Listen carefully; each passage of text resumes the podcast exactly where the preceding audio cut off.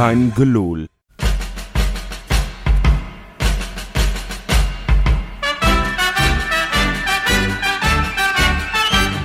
We leven snel, dat weet ik wel, en we vergeten gauw. Toch is er af en toe eens iets wat ik mijn leven lang onthoud. Jawel meneer, de wereldcup, dat was het toch wel weer. Soms spookt dat feest nog door mijn kop, dan denk ik telkens weer. Het brilletje van Van Dalen, dat is niet te betalen. Dat is geen peulenschilletje. Toen kwam ineens dat brilletje, het brilletje van Van Dalen. Die joeg hem tussen de palen. Die fijne schuif het in de hoek, komt in het gouden boek. Ja, mijn mooiste herinnering aan dat liedje, die ligt op 14 mei 2017. Eh, dat was toen ik samen met Rob, vlak voor de kampioenswedstrijd op Varkenoord, na een paar biertjes tegen de zenuwen, eh, door alle moderne liedjes heen was. En eh, toen begonnen we maar als een stel brulkikkers liedjes van 50 jaar oud te schreeuwen.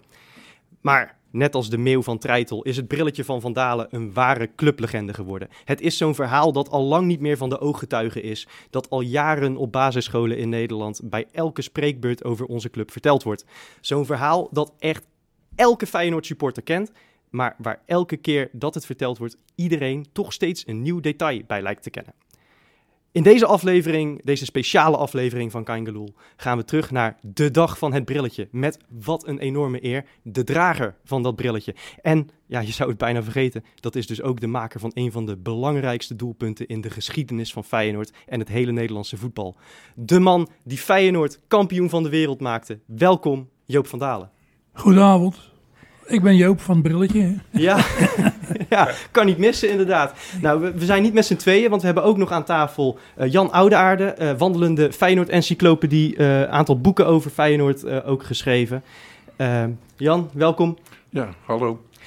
Ja, en een stem die voor de Kangeloel luisteraars eh, ja, wat bekender in de oren zal klinken misschien. Eh, Rob, jij bent er ook. Ja, hallo Freek. En eh, Jan en, en Joop. Inderdaad een eer, ja. Ja, ben je een beetje zenuwachtig? Nee, nee, totaal niet. Nee. Nee. Ja, eh, Joop, ik mag Joop zeggen, heb ik, ja, eh, heb we ik begrepen. afgesproken met ja, elkaar, hè? Ja, eh, ik vroeg me af, hoe vaak heeft u dat verhaal van dat brilletje in uw leven intussen al verteld? Ik heb niet geturfd. Een schatting? Ik heb... Ja, kijk, eh, wij, gaan, wij zitten hier nu omdat het 50 jaar geleden is, maar d- er zijn natuurlijk geen dagelijkse dingen.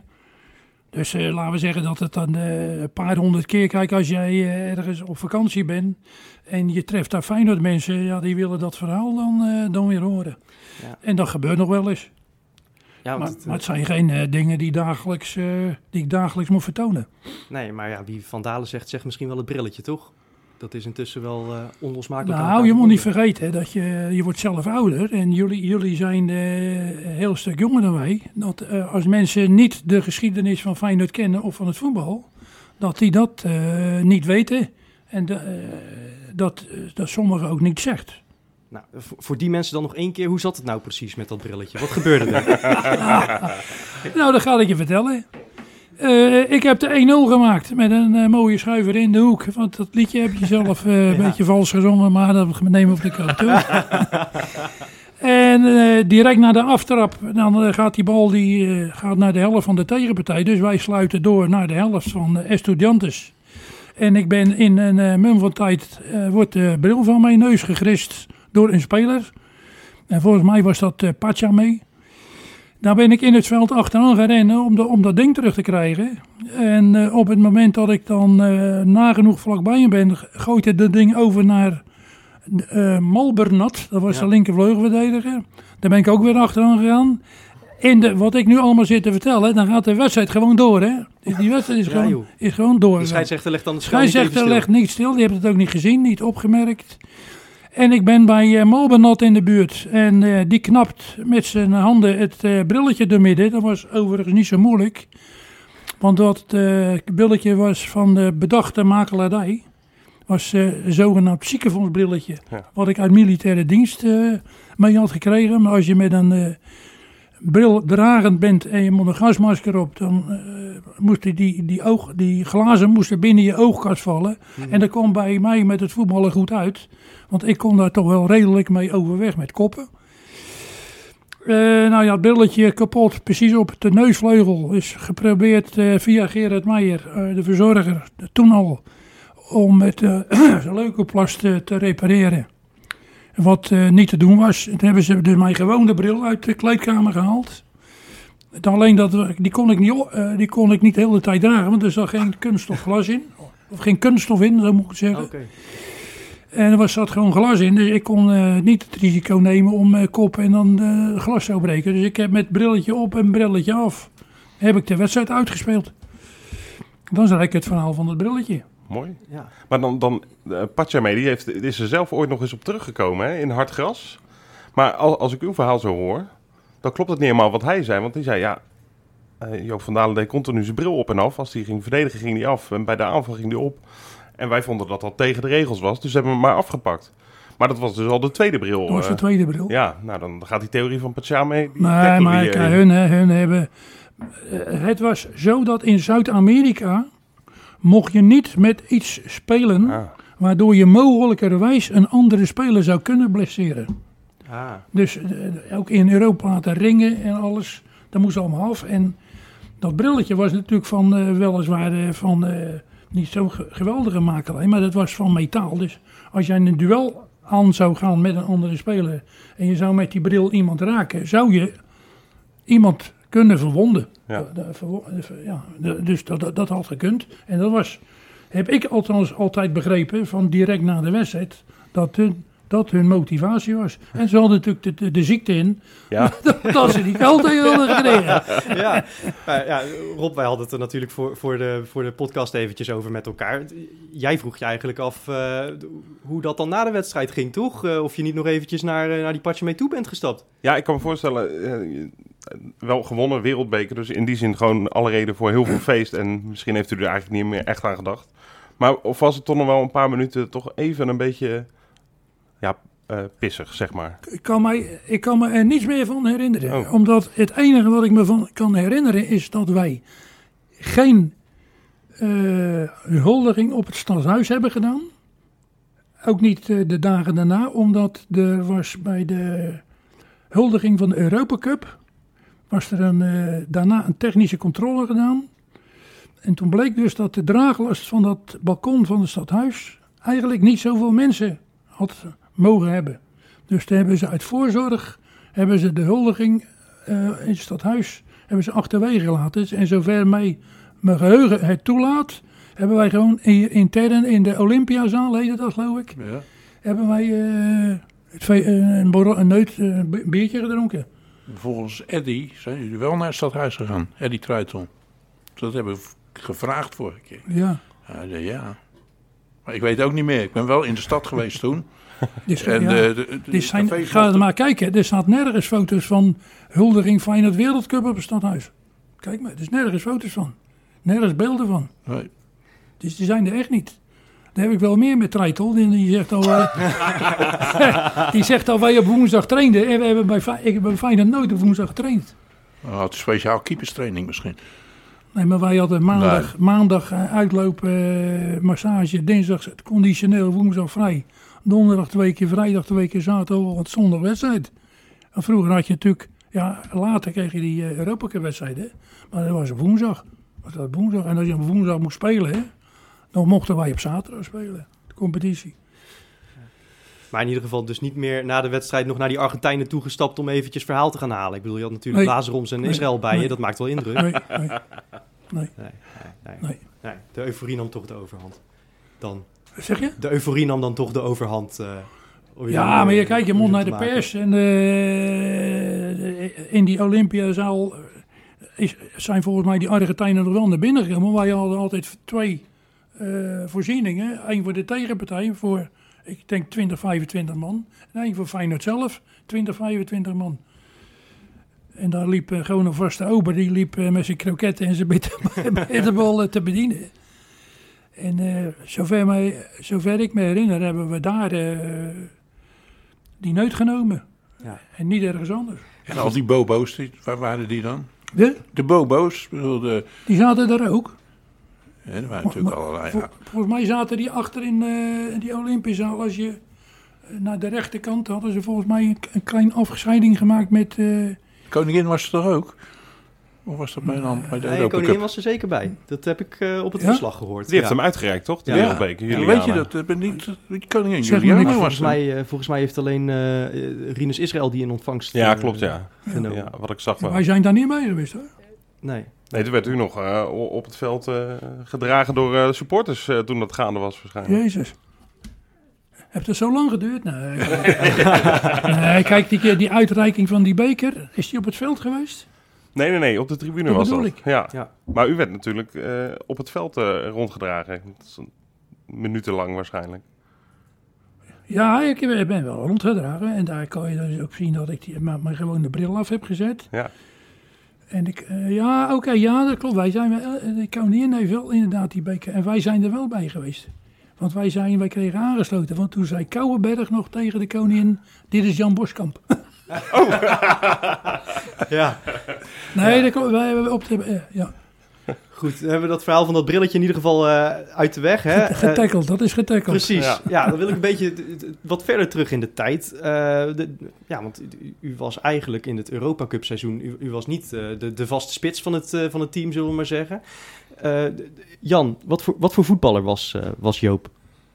Joop was eh, nog eh, jong en onbedorven en een beetje lang en ouderig. En, eh, het, was geen, eh, geen atleet, zoals eh, bijvoorbeeld eh Kindval. Ja. Maar het was een. hij, later is hij achterin gaan spelen. En daar was hij volgens mij beter op zijn plaats. Maar het was wel een, heel, een veelscorende spits in lagere aftallen. En ik heb wel eens gelezen dat toen hij nog niet bij Feyenoord zat, maar bij de Mussen. Nee, Overmaas. Overmaas, hier op Varkenoord. Dat, dat eh, was in de C1, denk ik, dat jullie wonnen met 22-0. En dat alle 22 doelpunten door Joop waren Zo. gegooid. Kunnen er ook 24 geweest zijn. Maar ik bedoel, het Ja, was, ik heb dat zelf... toen hebben ze hem natuurlijk gauw hierheen gehaald. Ja, Die mensen van over... Nee, maar luister. Die mensen van Overmaas hebben dat gezegd. Piet Timmermans, dat is... eh, die doet ook eh, de...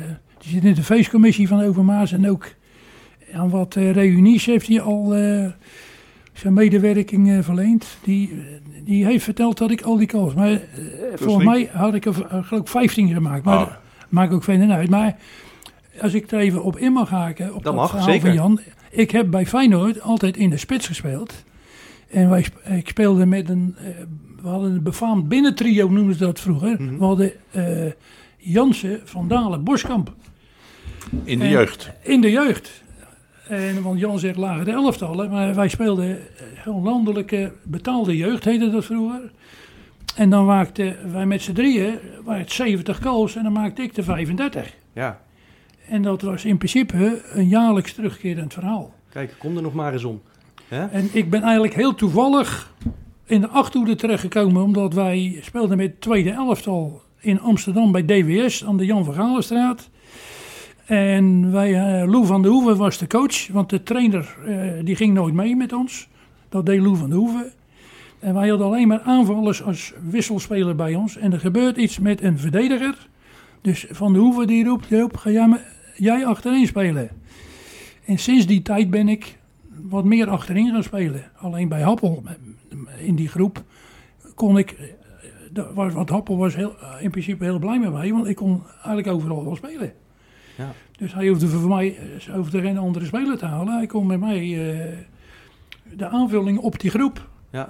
was er altijd. Ja, samen met Boskamp. Samen met Boskamp. Hè, Er waren elf vaste spelers en jij en Jan waren de Ja. vaste reserves. Ja, wij, wij kwamen bijvoorbeeld terug uit eh, Argentinië. Van de 2-2, de uitwedstrijd tegen Estudiantes. En eh, dat was op vrijdag, maar hadden woensdag 26 augustus gespeeld. Dus er zat even wat tijdverschil in daar. En eh, vrijdagochtend of in de loop van de mm, voormiddag kwamen wij terug op Schiphol. We dachten, we gaan naar huis. Nee, zegt die appel, wie keer je naar Zeist? Toen moesten we naar Zeist.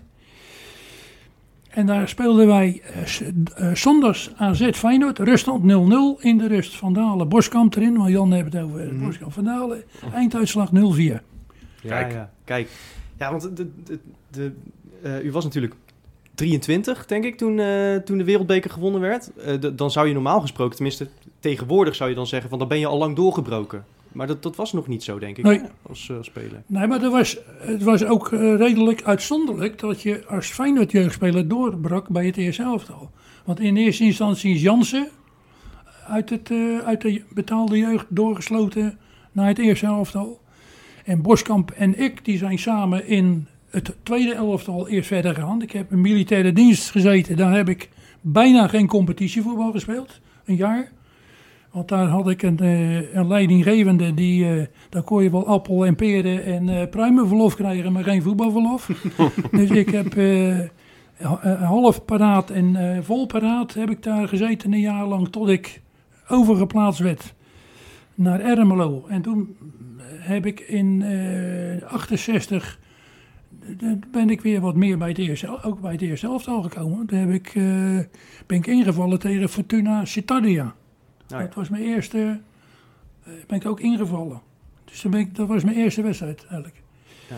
Want u, u speelde toen toch vooral nog in het, eh, in het tweede elftal... in de periode Ja. dat Feyenoord aan die opmars in Europa bezig was. eh. Jawel, maar dan kijk, speelde, je- kijk, daar speelde Guus Haak en Pieter Schaveland en eh Veldtoen en Krijemaat, die speelden er ook in. Want die waren aan het eind van hun voetbalcarrière Ah, aan het afbouwen. Dat was een goed Ah, elftal. Zo! Ja, dus Jan, je kon ook voor je plezier naar Feyenoord 2 gaan toen nog. Ja, daar zat, Ja. er zat ook een paar duizend man en die speelden ook vaak in het stadion. Wedstrijden. Dus eh, Jan, ik mag wel aannemen dat ook de Feyenoord supporters wel wisten wie Joop van Dalen was in die periode. Het was, het was niet de totale onbekende die erin kwam. Nee, nee, natuurlijk niet. Je kende al die, al die, alle spelers kende je van naam, maar het was... eh, ja, de grote sterren die zaten natuurlijk in het eerste elftal. En dat... eh, ja, daar hoorde je ook niet bij. Dat, moest, dat kwam later. Ja. Toen die... eh, ja, in 74 natuurlijk. Toen, die, toen zat hij ook tegen het Nederlands elftal aan. Ja. Als verdediger. Als verdediger, opvolger van, eh, van Rinus Israël. En Ja. was onder andere trainer, onder Curve. En toen was heel die verdediging, die zat tegen het Nederlands elftal aan. Hardy Vos. Nou, wij werden, de, je had de uitzending van Studio Sport op zondag. En wij moesten zondags de tweede wedstrijd tegen Tottenham Hotspur spelen. Finale van de UEFA Cup. En toen werd er op Studio Sport werden 20 namen bekendgemaakt. Plus Rijsbergen, Vos van Dalen. Uit de laatste drie worden er nog twee gekozen. Ja, En toen hebben wij tegen Curver gezegd, eh maandagochtends, je gaat die eh, Michels maar bellen, want eh, laat hem maar gewoon zeggen wie er afvalt. En dat is voor degene die afvalt dan heel vervelend. Maar dat kan niet meer van Feyenoord Tottenham afhangen of u wel of niet bij die selectie dan zit. Maar ik was heel erg aangerecommandeerd voor naar hart. Omdat je redelijk ja, modern speelt. Je speelt eh, toch heel vaak voor je laatste linie zodat wij, eh, want we hebben het nu over doorsluiten en aansluiten en pressie. Maar dat zijn eh, dingen van, van die tijd al. ja. En nou ja, toen we, ik viel toen af, jammer genoeg. En dat was in 1974, was wel jammer, want dat was eh 80.000 euro. ja. En Rijsberg Gulden. ging wel en Forst heeft niet Voor- gespeeld voor- toen. Nee, hij heeft niet gespeeld, maar hij is Die wel ging wel mee. Ja. En je kreeg allemaal hetzelfde centjes. U zei net van het aansluiten en, en, en doorpassen en alle, hè, wat we tegenwoordig natuurlijk al vaak horen, dat was toen niet anders. Ik ben wel benieuwd, dat vier jaar terug, 1970, wat Ernst Happel eigenlijk tegen u zei. Weet u dat nog, toen u erin kwam? Hier in de Kuip. Wat is daar nou? eh, Maar Met, wel- met welke boodschap? Happel, Happel die zei heel weinig tot niets. ja. Die riep gewoon. En dat eh, komt, althans zo leg ik het uit, Ja. dat hij verschrikkelijk veel vertrouwen had in die spelers. En ook in de intelligentie en de mogelijkheid om de wedstrijd te doen kantelen door die spelersgroep zelf. Ja. Ik, ik heb net al gem- gememoreerd bijvoorbeeld eh, Inter Milaan, eh, nee Feyenoord Inter Milaan, is dat? Dan verwacht Jans en Hanegem om een bepaalde speler te spelen en dan zegt tijdens de training komt Happel naar Jansen en die zegt dan Du speelt over Rivera. En meer zegt Happel niet. En hij zei tegen mij ook niet zoveel, maar hij was van mij gewend dat ik, eh, nou, zeven van de tien, tien keer kon ik wel voor elkaar krijgen om de wedstrijd te kantelen. Ja. Ja, joh. Maar, hoe, hoe, hoe zit je dan in Argentinië op de bank? Want daar, daar was je ook bij. Ja, Eh, nou ja, binnen 10 minuten of, of een kwartier is het geloof ik 2-0 voor die Argentijnen. Dat- Ja. dat- heb je dan al zoiets van, nou ik ga alvast maar warm lopen, want ik zal er zo wel in komen? Nee, want eh, het rare was dat wij de wedstrijd onder controle hadden. Er waren twee ongelukkige, ongelukkige momenten van Treitel dat wij op 2-0 achterstand kwamen. Die Argentijnen hebben eigenlijk niet in gewone spelsituaties kansen gekregen. En die kregen wij eigenlijk wel. Israël. Aanloop. Bal ver naar voren. Hoge bal in het strafschopgebied. Er gaat Kindval de lucht in. Gekopt. En de goal! Goal van Van Aardigen met een. En ik zei het u. Israël nam de vrije trap. Kindval ging de lucht in. Kopte er naar Van Aardigen. En een vooroverstappende Van Aardigen kopte de bal in het doel. 2-2. En dat heeft Feyenoord verdiend. En wij kwamen via kindval eh 2-1 terug in de wedstrijd. En in de tweede helft met een, eh een eh, bij Bakhuis doelpunt van Van Hanegem. Waar hij zijn middenstand, middenhand, middenstand, middenhandsbeentje eh, heeft eh, volgens mij gekneusd of gebroken. Maar hij maakte 2-2 en de wedstrijd verliep eigenlijk heel rustig. Want wij, hadden, wij hadden ook wel verwacht dat het wat fysiek wat meedogenlozer zou Ja. worden. Maar dat is helemaal niet aan de orde geweest. Nee, want die wedstrijd in Argentinië viel best wel mee, begreep ik Ja, inderdaad. ja. Ja. Dus wij kwamen daar met 2-2 weg. En dat was eigenlijk voor een uitwedstrijd een voortreffelijke uitslag. Hoe is het om zo'n wedstrijd vanaf de bank te beleven? Zit je dan niet, niet continu eh, met, met jeuk aan je schoenen tot je eindelijk een keer de wei in mag, zeg maar? Eigenlijk niet, nee. Nee? Nee, nee want kijk, je, je, eh, eh, er werd pas een beroep op je gedaan als het niet liep. Of eh, op Blessure. blessure of tactisch dat je hè, dat er kijk als ik erbij kwam dan ging meestal ging er vaak een verdediger uit dus dan ging, je, ging je met vier spitsen ging je spelen Ja. en dan moest die tegenpartij moest daarop eh, anticiperen en dat eh, duurde vaak te lang dus dan wa- was eigenlijk de wedstrijd al gekanteld Ja, precies. Oh, dat was dan. eh, Kijk, we hebben met eh, Koeman meegemaakt. Hè, daar hou ik nog wel eens. eh, Koeman is natuurlijk een hele goede trainer. Die, die gaat met, eh, bij AZ uit een paar jaar geleden. Met eh, Pelle en. Eh hoe heet die? eh, Schaker. nee, die rechter spits, die donkere jongen. Oh, Boetius. nee, eh, Wie, wie speelde er weer rechterspits. Maar maakt niet uit. Ja, Die, Schaken of, of Boetius, denk ik. Schaken. Ja, Schaken. 4-4-2 gaat hij spelen. Eh AZ moet zoeken naar de organisatie. En voor de organisatie klaar is, is het 0-3 voor Feyenoord. ja. Kijk, dan heb je iets teweeg En dat was eigenlijk een happeltje dus. Het was een, ja, ja, Ja. voor mij dan, hè, omdat Ja, je dan ja. natuurlijk... Ja, ja, ja. Hoppel, Hoppel was tactisch ook verschrikkelijk sterk. Ja, maar je zat dus niet op de bank van, nou haal die Werie er maar af, want ik schiet er twee in. Nee, nee, nee. Nee, maar, maar luister, wij, er was ook helemaal... Er was wel hiërarchie, maar niet in die mate dat eh, die was de baas en zo. zo. Wij, wij waren altijd met 16, wij twee keepers en 14 spelers. En eh, wij hebben, zover ik kan herinneren, heel weinig ernstige blessures gehad met, met, in die spelersgroep. Twee, drie, vier jaar. Heb ik althans niet meegemaakt. Dus eh, wij zaten eigenlijk niet op ons eh, ongemak op, de- op die bank. Nee. Maar er werd toen ook veel minder gewisseld dan tegenwoordig natuurlijk. Ja, Het is heel vaak dat het elftal, het beginelftal, dat ook het einde haalde. En nu wordt er altijd wel eh, één of twee worden gewisseld om iemand eh, ja, een beetje rust te geven. En, eh, of weer eens wat anders proberen. ja maar kijk, als, kijk het, het, het voordeel van Hoppel was dat je zowel uit als thuis speelde je altijd hetzelfde. Wij speelden 4-3-3. Wij speelden met Jansen als controlerende middenvelder. met Hanegem als, van Hanegem heet hij trouwens, als spelmaker. CQ eh, Ja, spelverdeler. En dan was Haziel destijds, later Theo de Jong. Die werd vierde spits. Maar die werd vierde spits. Die was geen vierde spits. Nee. Die kwam in het loop van een aanval. kwam die bij eh, kindval in de buurt. En dat hing het af waar kindval heen ging, naar links of naar rechts. En dan moest eh Haziel tegenstrijdig van eh kindval gaan lopen. Ja, en eh, als je dat op het goede moment doet, dan was het heel vaak raak. Ja, want dan sta je ineens eh, met een overtal eh, voorin natuurlijk. Ja, want dan moest een, kijk, ze moest een tegenpartij moest dan eh, inspelen op hoe wij speelden. En dan hadden ze toch vaak geen antwoord op.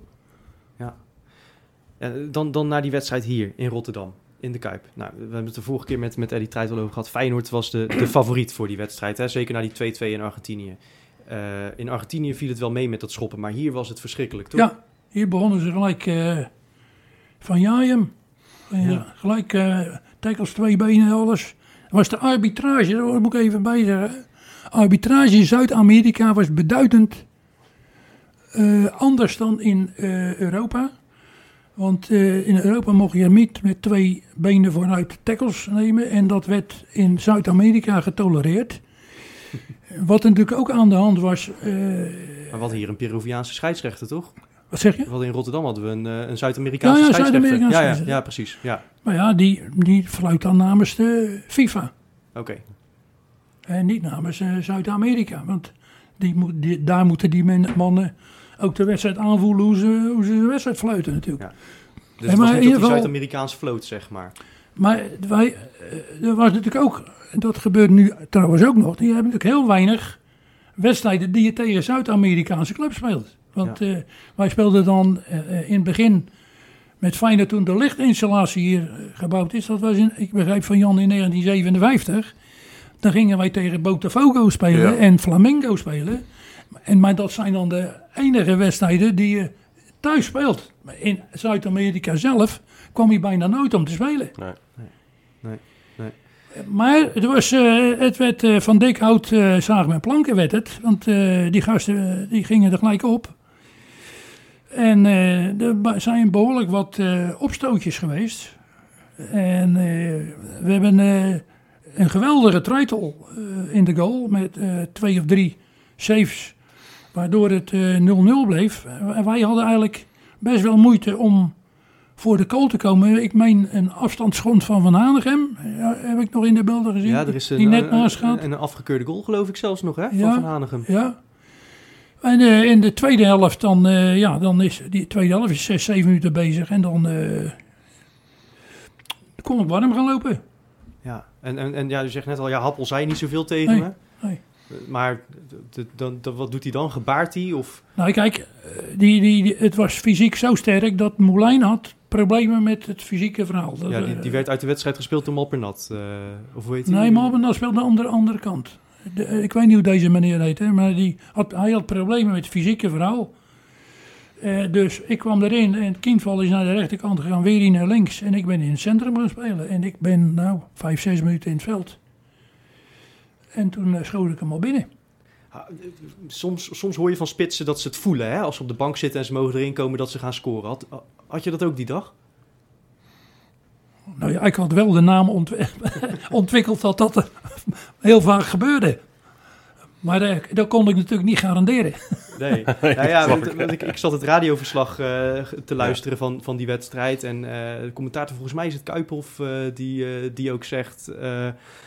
eh, daar, komt, eh, daar komt Joop van Dalen erin. Of nou, hij, hij zegt eerst Piet van Dalen, hij verspreekt zich nog. En dan, eh, en dan vervolgens zegt hij, ga- gaat hij dan weer de redder in nood worden? Dus je had die reputatie toch inderdaad... eh, Maar dan moet je, dan moet je een andere eh, commentator hebben. Of het Kuiphoff deed de televisie.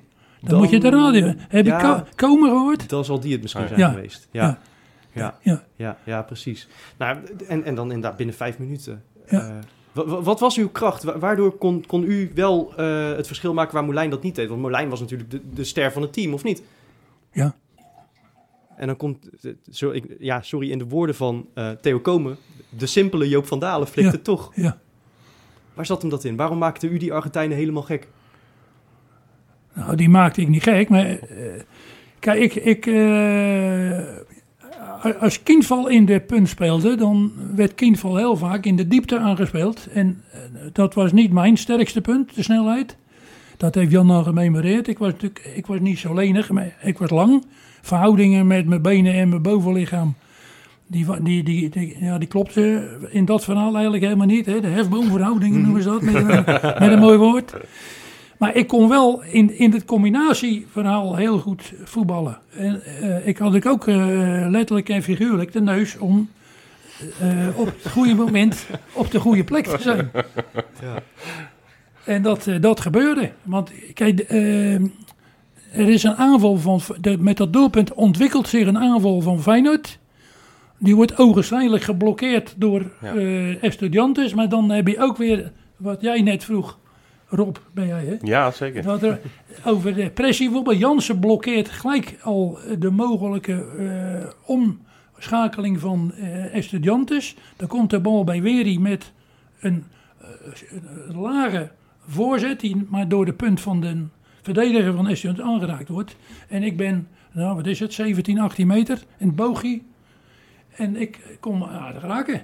Komt er bij Joop van Dalen terecht. Van Joop van Dalen naar Wim Jansen. Wim Jansen paast daar op Henk Wieri, maar daar zit eh, een van de Argentijnen voor tussen. Is aanvoerder Malvin Nat. Dan altijd daar bij Wim Jansen van Wim Jansen. Nu bij Henk Wieri. Henk Wieri helemaal op les. Plaatst die bal in de stapgroep. Gewinnen met Joop van Dalen. Die had uit voor het schot. En het is een doelpunt. Het is 1-0 voor Feyenoord. Na 20 minuten en wel geteld. 18 seconden voetbal in de tweede helft staat Feyenoord dankzij invaller Joop van Dalen voor met 1-0. En eh, terwijl de chaos hier onbeschrijfelijk is, terwijl eh, de spannende zenuwen van de Feyenoord supporters dan eh, nu eindelijk, nu eindelijk ze kunnen eh, ontpoppen, nu eindelijk kunnen worden losgenomen wat tevoren moet je daarvoor eigenlijk gebruiken. Terwijl dat allemaal is gebeurd, rent heel Feyenoord hier enthousiast, gillend enthousiast juichen, de armen omhoog geheven, het veld rond naar de middenstip, want daarop is de bal inmiddels neergelegd door Juan Veron, de beste speler van de Argentijnen samen met aanvoerder Malbernat zou ik, eh, zou ik toch wel willen zeggen. Nou, het heeft inderdaad resultaten opgeleverd. De inzet van Joop van Dalen staat nog niet zo lang in het veld. En meteen al een knap doelpunt waarop uh, Doeman Persano eh, helemaal geen schijn van kans had. Ja, het, Hij zat er aardig in. ja, het was echt een lekkere, zelfs nu als je hem nog in de herhaling ziet, hè, die beelden, dat schot komt eigenlijk heel goed in beeld nog. Je denkt, ja, dat is eh, een hele lekkere schuiver. Hè? Ja, Die aait het gras continu. En eh die keeper, ja, die, die, kon te laat reageren. Dan, eh, Is dat zo'n moment dat als u de bal raakt met, met de vreef, eh, denk ik, was het een beetje, binnenkantje binnen, vreef? ja, ik kon niet vol met de vreef, want Nee. ik, had, ik heb maar 46. Oh, Dus ja. ik kon je niet vol met de vreef. Ik, ik, als ik met mijn vreef moest schieten, moest ik mijn voet een beetje schuin houden. ja, dus een beetje ik- binnenkant vreef. Anders schoot ik in de grond. Een beetje beheerst. Voelt u dan al op het moment dat u de bal raakt, nou, dit, dit is hem. Nou, kijk, ik heb altijd gezegd, als je in dat Feyenoordstadion, dat is nu nog zo, als je daar een bal verkeerd raakt, dan ligt het echt helemaal aan jezelf. Want het is zo prachtig, ook met Jaan Barendrecht toen zo'n prachtig veld, mooi vlak, altijd een beetje vochtig. En eh, als, je, ja, als je dan je, je voet goed zet, dan, eh, dan, dan kan je hem aardig raken natuurlijk. Ja. ja. Weet je wat mij opviel aan, eh, aan die goal, vooral daarna? U, u juicht heel mooi. Ik, eh, vaak zie zag je spelers met twee handen in de lucht en Nee, af en toe een huppeltje ertussendoor. Één. Maar u eh, Ja. deed inderdaad uw wijsvinger in de lucht en u... Ja. als- Ja, waarom heb ik dat gedaan, vraag ze wel eens, is dat, is voor dat is het eh, aanwijzing voor de man van het scorebord. ik toen gezegd, maar, dat was ik, maar ik juichte nooit met twee handen, ik altijd één hand omhoog. Ja. Ja, dat, dat zag er toch wel stijlvol uit. eh. Want dat u zelf zegt dat het niet de lenigste was. Dit, dit zag er chic uit. Nee, ik was niet alleen, ik, ben, nee, ik was niet alleen, dus eh, dat ben ik nog steeds niet. Dat ben ik nog steeds niet. Achteraf hebben we ook begrepen hoe dat komt, maar Oh. dat, is, eh, dat maakt verder ook niet uit. Oh. Maar eh, ja, het balletje zat er aardig in. En, dan, kijk, ik ben ook nog weer een beetje mazzel hè, vandaan de ma- matchwinner. Wij, die mensen gaan drukken, drukken, drukken. En wij gaan van de eigen helft afspelen. En dan krijgen we een geweldige counter met Boskamp. Ja, Die Ja. in- ook al ingevallen is. dan. lop hè. En die doen zo'n stiftje over de keeper heen. En die bal die gaat, nou, vijf centimeter naast. Ja. Meer, meer is het niet. Dus anders is het eh, 2-0 en dan eh, krijg je een heel ander verhaal. Joop van Dalen van Joop van Dalen naar Boskamp. De beide invallers die het zo reuze goed doen in deze tweede helft van de wedstrijd. Maar de, de twee invallers, Boskamp en u, hebben echt die wedstrijd voor Feyenoord gewonnen. De, de- Ja. toen, toen kantelde de, wedstrijd, Je- je heb ik begrepen. Kijk je, win, kijk, je wint met elkaar die wedstrijd natuurlijk. Ja, het is wel prettig dat ik eh, die goal heb gemaakt voor mijn eh voetbalcarrière. En de herinnering en de memorabele verhaal in, bij deze geweldige club. Dat je altijd in de analen genoteerd blijft. Maar je doet natuurlijk met elkaar die wedstrijd winnen. Ja, tuurlijk. Maar, maar u, heeft, u heeft meegemaakt wat denk ik voor iedereen hier aan tafel en, en ook voor iedereen die luistert de ultieme droom is. Scoren in de Kuip en dat het dan nog een mooie en een belangrijke goal ook is. Kunt u dat gevoel nog terughalen? Wat voelt u op het moment dat u die bal tegen de touwen ziet ploffen? Nou ja, het, het ultieme verhaal voor de spits is het scoren van een doelpunt. En of dat nou tegen Estudiantes is of tegen Ajax of PSV of Go Ahead. Dat maakt eigenlijk gereed uit. Het gaat om eh, het maken van die goal Maar, op maar, dat, op, op dat moment. maar dat klinkt bijna zo van... Ja, het was uw werk ook wel natuurlijk. Maar van, eh, nou ja, ik heb mijn plicht gedaan. eh, ik heb een goaltje gemaakt en eh, ik doe een neutje en... eh Ja, morgen, maar, ja, morgen maar, maar het was ook ons werk. Alleen Ja. wij hadden er heel veel plezier in natuurlijk. Maar dat gaf wel een ander gevoel dan een doelpunt tegen Go Ahead Eagles, eh bij wijze van spreken. Leek mij. Ja, maar als de, als de winnende goal is tegen Go Ahead Eagles, is, het, eh, blijft dezelfde, laten we zeggen, mysterie eromheen zitten. Ja, echt waar? Ja, Maar dan zou je niet eh, herinnerd hebben als een doelpunt tegen Go Ahead Eagles. Nee, Ik bedoel, je, heel jouw leven Ja, dat- is volgens mij veranderd door dat ene doelpunt. Nou, ja, niet heel je leven, maar ik bedoel, anders, niet dat je anders vergeten zou zijn, maar je zou een hele andere mens, icoon zijn geworden. Ja. Of geen icoon. of geen Nico. Hè, hetzelfde met, met Kindval. Die heeft Ja. heel veel doelpunten gemaakt, Ja. maar dat ene doelpunt in Milaan. Ja, daar wordt hij iedere keer voor uit Zweden naar Rotterdam gehaald. Ja, Ja, hè, door Jan Masterbroek. Nou, we gaan de Kindval er Ja, maar weer bij halen. Kindval en eh Masterbroek zijn natuurlijk al, eh, ik denk 25, 30 jaar bevriend natuurlijk. hè. Ja, eh, 50 denk ik. Ja, Die was toen al... eh, ja. Maar, maar wat Jan zegt klopt natuurlijk wel. Eh, dit, dit, dit is een, een doelpunt van echt een, een andere orde dan een winnende tegen Go Ahead. En ik vraag me, ik vraag me echt af... Ja, maar ik, ik zal proberen, ik zal je proberen uit te leggen waarom ik die gevoelens niet zo eh, had. Ik heb geleerd, toen ik van Varkenoord van de jeugdopleiding hier in het stadion kwam, hebben wij moeten leren om profvoetballer te worden. Dat het de, je, je brood te verdienen was. En eh, daar ben ik in de gelukkige omstandigheid dat een Israël en een Van Hanegem, die dan al 5, 26 jaar zijn en al een gewoon leven achter de rug hebben van stratenmaker en in de bouw staan. dat, die hebben hun er al meegemaakt. En da- daar gingen ze wat doen. Wat natuurlijk voor hun nog prettiger was. En je zat niet op je knieën of je stond niet in de bouw bij, eh, met mindering graden of iets dergelijks. En daar hebben wij de op- en aanmerken die ze nu en dan soms helemaal niet zo leuk waren. Die hebben wij meegepakt in de, onze ontwikkeling om profvoetballer te worden. En eh, dat resulteert dan, om even een voorbeeld te geven, als je aan het trainen bent, dat je alles wat je op die training doet, wil winnen. Of het nou 4 tegen 4 was, of 8 tegen 8, of tennisvoetbal. En dat ging zo ver dat ook op die training je dingen ging doen die noodzakelijk waren om zo'n partijvorm tot winst te brengen. Dus als jij een bal niet goed uit kon verdedigen, hè, dan zei je, zeggen wij, ook als trainer heb ik dat, gezegd, dan schiet je hem de tribune in. Ja. En dan, ging die ook, dan ging die bal over de uitlijn. Dan probeerde je niet het voetballend op te lossen. Want dat was in dat profvoetbal helemaal niet aan de orde. Je moest heel, eh, laten we zeggen, eh, gericht die dingen doen. Dus dat, En, dat, en dan moest je gaan zoeken, en dat was niet moeilijk, om dat profvoetbal op die manier te beleven, zonder dat je plezier erin verloren ging. En dat is altijd samen gebleven, een goede balans in gebleven. Althans bij mij. dat, dat, dat, die professionele houding die wordt dus zelfs niet een beetje doorbroken op het moment dat 60.000 man minutenlang hand in hand kameraden beginnen te zingen. Op het moment dat de kuip ontploft. Want het, Nee, maar dat komt door de concentratie die je hebt, Ja, vol in de adrenaline nog. eh. ja. denk ik. Want eh Ja. dan zeg ik, ik speelde liever voor 50.000 man dan voor 500. Want Ja. die 50.000 die hoor je dan al wel.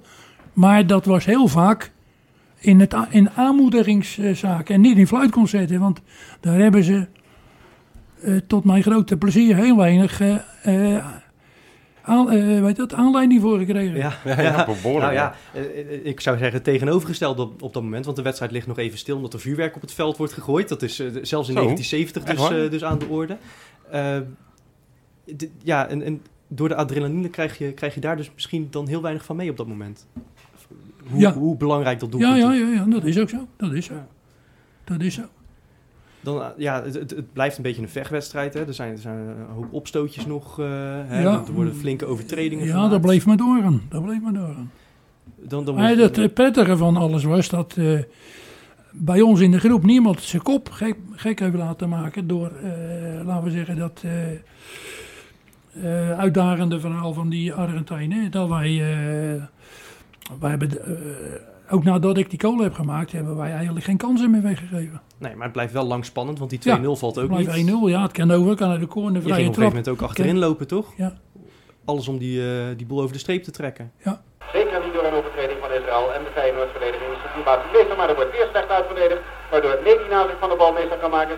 Medina krijgt zelfs Joop van Dalen bij zich die de verdediging komt helpen. Joop van Dalen brengt redding met een trap in de richting van Johan Boskamp, vlak langs de zijlijn.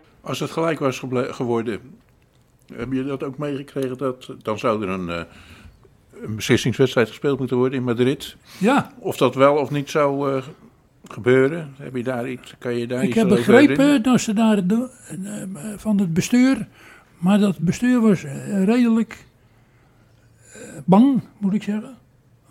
Met name Kouwenberg. Want dat, dat was al daar, daar al gebeurd.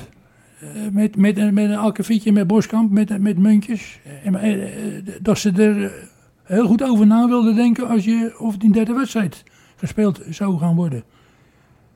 Ja, het verhaal gaat dat, dat, dat Happel en Broks en Kouwenberg niet wilden. Maar hoe was de, Nou, Happel zal, stemming? in- de Happel stem- zal daar niet bij geweest zijn, want Happel kregen niet, eh, die kregen niet eh auto de botel. Maar wat, vond, wat vonden jullie als spelersgroep daarover? Of, of, Wij hebben er niet over na hoeven te denken. nee, we hadden gewonnen. Ja. Met dank aan Ja, maar dat u natuurlijk. Ja, ja. Nee, maar er was natuurlijk Ik ken- van, ik ken van het verhaal. tevoren was al Ik ken het verhaal wel wat je zegt en het gerucht ken ik, maar wij hebben er niet over na hoeven te denken. Ook van tevoren niet. Is daar niet Van over tevoren is daar niks, niks over gezegd. Van tevoren is er niks over gezegd. Want toen was het natuurlijk wel, op kantoor was er al wel een besluit Nou, genomen. kijk, het probleem, althans, in de uitwedstrijd was het zo, wij, je gaat, voordat je je wedstrijd gaat spelen, ga je eh, naar het veld. Om te kijken wat voor soort doppen je aan moet. Zes doppen of rubber, rubberzol. Speelden wij weinig op. Dus zes doppen. Moet je 13, 13, 13, 15. Of moet je andere. Of Zo, wat een zes. eh, jargon eh, komt hier voorbij Ja, ineens. joh. En eh, Ja, bij te veel getalletjes dan, zitten meestal dan, dan zit er al een aantal duizenden mensen in dat stadion. Van, Ja, ja. van, van Argentinië, van Nederlanders. Die, die, zullen er wel geweest zijn. Maar als dat er eh 10 of 15 of 20 geweest zijn, is het veel. Maar die eh, mensen waren gewend om met pesos te gooien. Ja. En dat waren muntjes, maar die waren zo groot als een eh, destijds Nederlandse Rijksdaalder. Dus dat was best wel een aardig muntje. En eh Boskamp, eh, die, die kreeg zo'n muntje op zijn kanus. Nou, gaat het gerucht dat het heel moeilijk te missen was. Dat gerucht gaat. Ja. Maar ik, ik sta mij bij dat Meijer hem wel heeft moeten helpen, hè, want eh, het bloedde. En toen was die Kouwenberg al zo zenuwachtig. We don't play the game, we don't play the game. Dus die, die, die Happel zei, joh, roeig. Kijk, Happel die was natuurlijk een gelouterde international van Oostenrijk. En die had waarschijnlijk daar veel meer gespeeld als dat wij daar gespeeld hadden. ja. Ja. Dus die, was, eh, die kregen niet zo zenuwachtig. Dus eh, wij, wij zijn gewoon die wedstrijd gaan spelen. En het zou best kunnen, maar dat kan ik niet bevestigen, dat ook Kouberg weer de aanstichter was van als die derde wedstrijd gespeeld Moet had worden. dan worden, dan gaan we goed nadenken of we dat wel doen. Ja, Zover is het gelukkig niet gekomen. niet gekomen. Nee, na dat laatste, eh, laatste fluitsignaal, heb je dan al een beetje door dat je geschiedenis hebt geschreven? Of, of daalt het gevoel dan nog steeds niet in? Nee, dat gaat pas de volgende dag beginnen. Want eh, wij hadden. Ik woonde aan de Kwadenoord in Rotterdam. Daar had ik een eh, appartement, alleen daar zat geen lift in. En mijn vrouw liep op de eh, laatste eh, dagen van de bevalling. Niet deze vrouw, want het is mijn tweede vrouw. Eerste vrouw. En eh, alleen het probleem was dat als er iemand belde, dan heb je zo'n drukkertje om de deur open te doen en dat functioneerde niet. Maar die schoolkinderen die wisten waar ik woonde, Oh, dus ja. die kwamen de volgende dag foto met handtekening. Nou, ik had, eh, weet ik wel, 100 of 150 van die foto's. Want dat deed je bij Piet Bouts eh, foto's bestellen. Ja. Dan makkelijk. Ja. Maar dat, die ben je dan in een kwartier kwijt. Ja. Maar dan werd dan elke keer gebeld. En mijn vrouw, en, eh, was mijn vrouw die, was dan, die moest elke keer met, met die met Oh, de ja, baby ja. in die buik naar beneden wandelen. Maar ik, wij, wij, ik was er niet. Nee. Dus, en dan ga je pas, want dan, moet je ineens foto, ben je ineens 150 foto's kwijt. moet je aan schoolkinderen geven. Dat, eh, dat gebeurt eigenlijk eh, mondjesmaat toen de tijd. Ja. Jan, kun, je, kun jij misschien een beetje illustreren? Want we hadden het net over, eh, Joop was niet de ster van het team. Maar hoe veranderde dat na die, eh, die dag in september? Ja, dat weet ik niet meer precies. Ik bedoel, dat, dat- volgens mij veranderde daar Ik ben, nooit ster, ik ben nooit een ster geworden. Nee, had ook geen sterrenallures. Nee, maar Hij- voor heel eventjes was hij natuurlijk wel de held van Rotterdam. Ja, er, waren, kijk, er zijn twee plaatjes gemaakt. En, dat, en die bril, die... eh, ja, het had natuurlijk... Het, er was reuring rond Joop, maar was eh, voor de rest eh, in het, in het elftal veranderde zijn rol niet. Ik bedoel, het is niet zo dat hij daarna dus de vaste spits werd Nee, in maar ik plaats bedoel van qua eh, populariteit bij de fans natuurlijk. Kijk, als je, Ja, als je, als je dat- tegenwoordig... Dan, Dat was, dan, eh, dat was toen nog niet zo. Het is wat Wij hadden wel een heleboel mensen met een eh, seizoenkaart. Maar je had dan natuurlijk nog niet georganiseerde supportersverenigingen en, eh, Nou ja, en, ho- en hooligans en alles noem maar op. Die, wa die waren er. toen supportersvereniging nog bestond wel, maar de hooligans die waren er niet natuurlijk. Nog. Nog niet, die waren er nog niet. nee. pas na Altijd, 74. altijd maar zo gebleven. hè. Maar Ja. het was natuurlijk, ja, het is wat hij zegt. Hij, het wat veranderde is dat hij schoolkinderen aan de deur eh, belde. Maar voor de rest, mensen woonden gewoon allemaal eh, op Rotterdam-Zuid. En dat konden ze allemaal gewoon blijven doen zonder eh Ja. lastiggevallen Ja, te worden. Ik kon ook gewoon, eh, gewoon de winkel... Kijk, ik ben, je was gewend om boodschappen te doen. Nou, dat, dat kon je gewoon blijven doen. Niet lastig gevallen. nee, het was niet dat heel Rotterdam een Kijk, stukje van je- Joop van Dalen wou zeggen. Kijk, als ze nu een praatje met me wilden maken, doe ik dat. En als ze toen een praatje met me wilden maken, deed ik het ook. En er waren mensen die hadden, eh, eh, Koen Koemelijn had een winkel, eh Rinus Israël had een winkel. Ja, de, Piet Schaafland. Pieter Schaveland. Maar bij de sigarenzaak van Rinus Israël zal het ook niet veel drukker zijn geweest dan, dan daarvoor. Nee, maar die had natuurlijk zijn vaste klanten. Die zat aan de vaste Pol klant. Polderlaan 9B, hè, was Ja. dat? En die had natuurlijk een vast eh, klanten. En dan kon je ook een, een voetbalkaartje kopen. Oh ja. Daar ging de bus vroeger van weg. Als hij met de jeugd wegging, dan moest hij daar verzamelen. Van Polderlaan Milot. 9B. Was dat van Milot? Ja. Nee, Milot zat eh op Ja, de de ja. Dus, dus, ja, En was kijk, met, nee, de, was, de bus was van Geleense. Rob, ik kijk even jou aan. Ja, ja. Voor, voor ons is dit een wereld die is niet voor te stellen. Dat iemand het, het winnende Nee. doelpunt maakt in, in zo'n belangrijke wedstrijd. En, en dat je zo iemand nog, nog over straat laat gaan zonder dat eh, de halve wereld achter hem aan zit. En Nee. een selfie wil. En eh, Nee, nee, ja, ik moest inderdaad denken bijvoorbeeld Ja, aan Van Hooijdonk. Hè. Er is echt een tijd voor Van Hooijdonk voor de UEFA Cup finale en daarna. Hè. En eh, nou ja, nu... eh, Dirk Kuyt. Dirk Kuyt is ook een goed, goed voorbeeld. En ik hoop dat we binnenkort weer zo iemand eh, erbij mogen schrijven die iets heel belangrijks voor ons heeft gedaan. Ja, Maar het lijkt me voor jullie wel lekker ook. Kijk, je moet niet vergeten, dat destijds had je, eh, had je al Nederland 1, 2 en 3. Ik geloof het wel. Ja. Ja, Nederland 1, moet je 2 mij en niet 3 had aankijken, je. ja. eh, Tante, Tante Hanny en eh Dappere Dodo, weet ik wat je allemaal had. En je had eh, eh, eh, kranten, krantenmensen, Dick van der Polder. En je had eh, Piet, eh, Piet Oaks en eh, Jens Vliestra en eh, Rob Vente. Rob Vente. Nou, die zijn dan, dan mee. Maar dat, dat gaat allemaal eh, redelijk gemoedelijk allemaal. Ja. En die, die, die vlogen ook in het vliegtuig mee. En je had, wij deden ook wel eens vriendschappelijk spelen in, Europa. En dan gingen er eh, 30 supporters mee. Met eh, Hans Kattenburg en, eh, en zijn kornuiten van eh, Goudmin. En eh, andere sponsoren. Ja, dat, maar dat, dat ging allemaal gemoedelijk. Dus, eh, kijk, kijk, als je nu, als je nu eh, wat gebeurt, dan heb je, je hebt Fox, je hebt NOS, je hebt eh, SBS6, je hebt Ziggo, noem alles maar op. Klein geloof vergeten we Ja. nog even. Wie? Kangeloel. nee, maar het was ook een tijd dat je, je kwam, mensen kwamen ook gewoon in Ja. cafés. weet Ja. je wel. Bij, mijn, bij mijn lief bijvoorbeeld. eh, eh, of bij de- ja, dat, daar liepen ze gewoon binnen. Dat, dat- dat- zonder dat eh, iedereen gelijk op zijn achterste benen stond. Dat- dat- Ja, maar je had vroeger, vroeger ook stapavond op maandagavond sport. Dat was Excelsior, Feyenoord, Sparta. Die kwamen bij eh, aan de Witte de Wit, hoe heet dat? Seven Club. ja. En die, ja, die waren dan ons ja, bij de Kroonkerk op Ja. straat. eh En die Karel kwamen er. Kamermossel en die kwamen in de Oude Haven, weet ik allemaal hoe het heette. En Lijkt me best lekker hoor, om dat eh, hè, op zo'n manier te kunnen Ja. vieren, eerlijk gezegd. Dat je gewoon overal naar binnen kan lopen. ja. En, Zonder eh, dat iedereen eh, Ja. ja. je aan wil Ja, raken. gewoon een, een beetje een praatje extra is Ja. wel leuk, maar dit, Nou ja, dit kijk, als je nu als eh, eh, speler van Feyenoord 1 eh, in een uitgaanscentrum, eh, dan, word je, eh, dan ben je niet professioneel genoeg, Nee, Nee. vinden ze. vinden Ja. we. Ja. Maar dat, kijk, dat ontspannen verhaal hoort er natuurlijk ook bij. Ja. ja, dat kan me voorstellen. ja. En, en een keer een biertje drinken ken ik kwaad hoor. Nee. We hadden het over de neut hè, in de, in de Olympiazaal. Ja? Na, de, na afloop van die wedstrijd. eh. Ik vraag me af hoe de sfeer daar was. Ja, want dat, nu zien we filmpjes van eh, champagneflessen die open worden getrokken. Er En, zat eh, wat bad in. ja, maar ik ben, maar ik, daar zijn weinig beelden van ik ben natuurlijk. niet gelijk, ik ben niet gelijk boven natuurlijk. Eerst de interviews. Wij hebben eerst interviews Ja, ja, ja. Maar daarna, met de spelers... eh, Ja, wij gaan wij.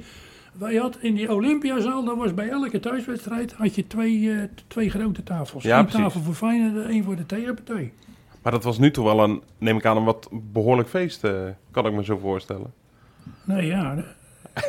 ja iedereen was blij, althans Ja. van Feyenoord was blij uiteraard. Ja, die Argentijnen wat minder Maar dat was Ja. niet zo verwonderlijk, want eh we hebben natuurlijk er net gehad over weinig fluitconcerten. Ja. Als wij 20, 22 keer in die Kuip speelden, dan zagen die mensen 17, 18 keer een goede wedstrijd. Dus ze hebben ook heel weinig aanleiding gehad om fluitconcerten te geven. Want er was op de, laten we zeggen, de inzet of de manier zoals men wilde spelen, was weinig commentaar te leveren. Ja. We, we hebben het natuurlijk net over, over, dat, eh, over dat brilletje gehad en over de goal. Eh, wat ik me eigenlijk afvroeg, eh, een beetje in dezelfde categorie. D- dat was denk ik wel het hoogtepunt van je carrière, toch? Die, dat, winnende doelpunt in de, in de Wereldbeker. Hoe, hoe is het om, om dat eigenlijk op Nou, zo'n jonge leeftijd al... Gevoel, gevoelsmatig heb ik meer emotie gehad van het winnen van de Europa Cup dan van de Wereldcup.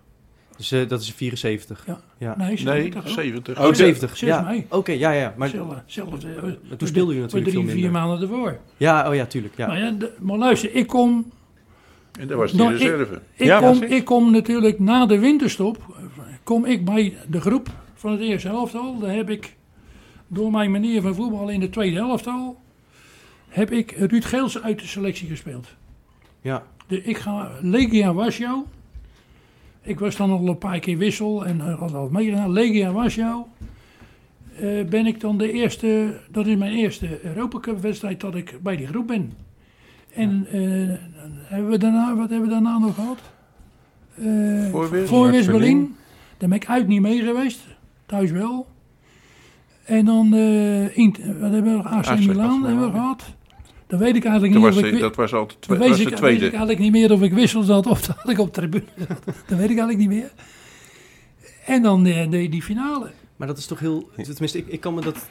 En die finale, daar zat je op de bank. Zat ik op de bank. Ja, maar u heeft toch sowieso niet of weinig gespeeld in die, eh, in die campagne? Ik heb geen Europa Cup wedstrijd Nee, gespeeld. maar gevoelsmatig zegt u dat daar, daar heb ik eigenlijk meer mee. Ja, maar dan zat hij Ja, op de bank en dus heeft hij gevierd. Ah, Oké, Ja. toen had u de beste plaats in het stadion. Ik, ik, ben, eh, ik, ik, ben, ik ben bij Overmaas begonnen.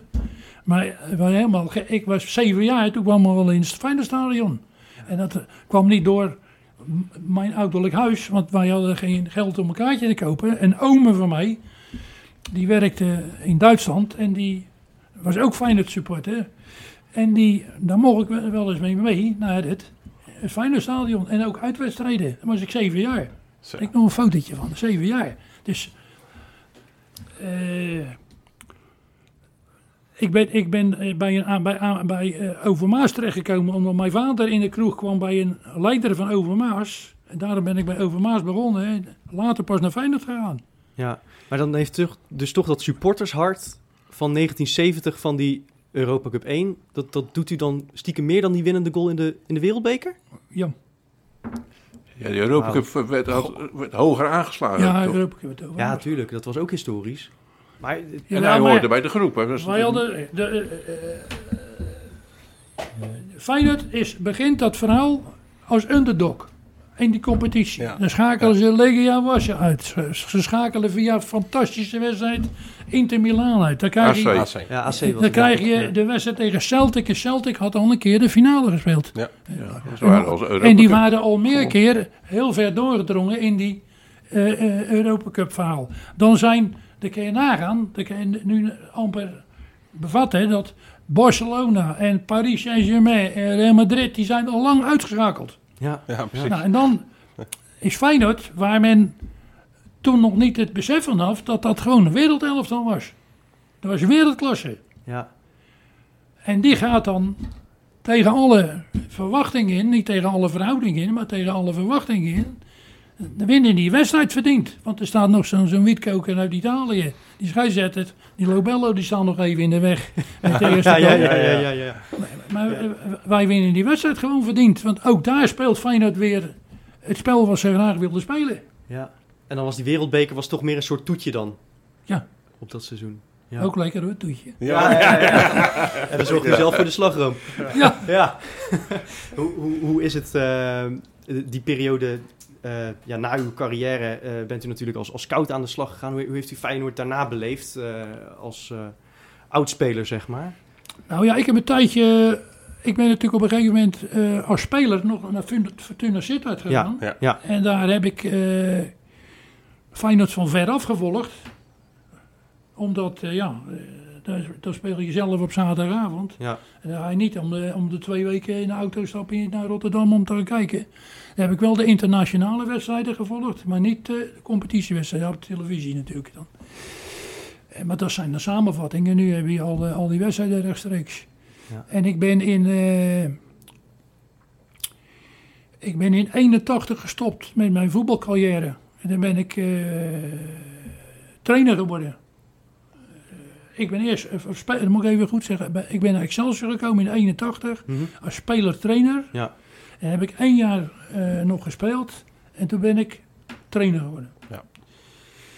En dat heb ik bijna altijd bij, heel lang bij zondagsclubs gedaan. Dus ik heb Feyenoord alleen maar als ze op woensdag speelden kunnen volgen en niet in de competitiewedstrijden tot 1996. Daar ben ik bewust naar eh Papendrecht zaterdag gegaan om op zondag naar Feyenoord te kunnen. Ja, wat mooi. Oh, mooi joh. Ja, wat mooi. Maar krijgt u dan, als u dan weer bij Feyenoord komt, krijg je dan langzaam door dat je ja, in, de, in de geschiedenisboeken staat, dat je een, een icoon bent geworden? Hoe, hoe word je ontvangen? Nee, dat gebeurt in Nederland niet natuurlijk. Nee? Nee. Nederlandse toevallig van de week een hele reportage geweest dat eh,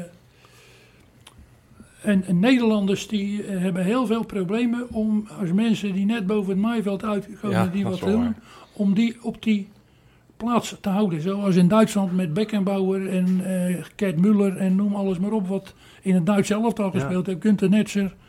Dat zijn, eh, dat zijn echte iconen. En dan in Engeland met Bobby Moore en Charlton en eh, Danny Kay noem ik hem altijd. Maar die, die gozer van eh, United. Dat leek heel erg op Danny Kay. Eh, naam schiet me niet te binnen. Dat is aan mijn leeftijd natuurlijk. maar die, in die landen, eh, België, Jurion en eh, Van Heemst en eh, noem maar op. Die worden op, nog op handen gedragen. En dat gebeurt in Nederland. Daar zijn we Uit dan. ja, waarschijnlijk eh, Hollandse nuchterheid ja. Ja. is dat, wordt dat heel, niet vaak gedaan. Nou is Feyenoord wel een van de minst nuchtere clubs van Nederland eh, natuurlijk. Ja, maar dat is... Kijk, in die tijd emotie. Ja, had je emotie, natuurlijk Ja. niet dit extreme supportersverhaal, hè? Nee. Nee. Nee. Zelfs Moulijn had, eh, die kon gewoon over straat. Ja. Eh, Terwijl dat toch echt een idool was van Ja. eh, miljoenen. Ja, maar goed, in de, in de, de- in de jaren 90, eh heeft nu over 96, dan, dan is dat toch al intussen wel wat meer ontstaan. Ja, wat je nu ziet in het stadion ook, en dan is, krijgt Jan Boskamp, die krijgt wel die rol van Ja, eh, ja. maar dat komt niet door zijn voetbal, ook wel. Nee, door zijn natuurlijk een goede presentatie op televisie. Door, Ja. door televisie. En omdat hij een beetje eh, Rotterdams en heel simpel eh, eigenlijk overkomt. Ja, En hij- hij vindt ook, alles en goed, ook hij humor, vindt- en hij ook is- humor maakt. En eh, ook eens een vloekje eh, ertussendoor op de televisie. Maar Jan, als Jan naar het stadion gaat, die, die wordt wel van alle kanten aangesproken. En op de, op de, als hij op de tribune, iedereen wil met hem op de foto. Ja, maar dat heb ik En- ook wel. Maar bij Jan is dat nog meer natuurlijk. ja. En Jan, dat- die zit, maar Jan die doet niet alleen Nederland. Die zit ook bij die Belgische. Ja. Doet dat extra time. En die doet in Nederland natuurlijk die, eh, die eh, analyses. eh, ja precies. Maar die deed is bij de natuurlijk ook jonge bij, die deed ook bij voetbal, voetbal Insight eh, Ja. al commentaar geven. Ja. Is het, ik ben wel benieuwd, Joop, want je zegt van, nou ja, in Nederland is het, iedereen die een beetje boven het maaiveld uitkomt, ja, die, die wordt eigenlijk eh, eh, met de rest gelijk gemaakt, zeg maar. Eh, niet met de grond, maar met de rest. Ehm, is, is dat nou ook een beetje jammer of, of, of helemaal niet? Had u iets meer, die, die- ik kan me voorstellen dat ook wel ergens ook wel... Nee, maar luister, ik stel het heel erg op prijs als mensen mij eh, daar aan herinneren. Want het is Ja. niet niks waar je aan herinnerd wordt nee, natuurlijk. En als het niet gebeurt, vind ik het ook prima. en als het wel gebeurt, zoals wij hier nu zitten, dat vind ik fantastisch. Leuk. Ja. Maar eh, als dat niet gebeurt, dan heb ik er ook geen problemen mee. Eh, kijk, eh, Iemand die, met, dat zeg ik, iemand die met mij een praatje daarover wil maken. Maar er zijn ook mensen die houden niet van voetballen. Nou, daar, daar Ja. hebben, we het niet, daar hebben we het niet over voetballen. Daar hebben we het over een boot. Ik, Ja. Goed, ja, we zijn echt al, al Ben je over tijd? zwaar over tijd gegaan. Maar dat maakt niet uit, want ik bedoel, eh, zo- zoals ze dat in ons vak noemen, gooi je er een kwartje in en er, er komt een miljoen uit. En dat is alleen maar mooi. Be- bedankt voor alle mooie verhalen en, en vooral natuurlijk over die van 50 jaar geleden. Eh, be- bedankt voor het doelpunt waar we het nog steeds over hebben. Ja, en voor dat, eh, dat brilletje natuurlijk. Vraag er dan. En bedankt voor het interview. En het is nu afgelopen. Het is afgelopen. Feyenoord is kampioen van de wereld geworden. Eén trouwen het voorlaatste woord. Is dat geworden, dames en heren, door de man die dat uh, ongeluksnummer, dat zoals we allemaal weten, 13 is op zijn rug draagt. Namelijk Joop van Dalen, de grote, de grote invaller die in de 20e minuut van die tweede helft het eerste en het enige doelpunt voor deze wedstrijd scoorde. En daarmee Feyenoord, het Rotterdamse Feyenoord, niet alleen eh, drager van de Europa Cup, ook drager nu van de Wereldcup geworden.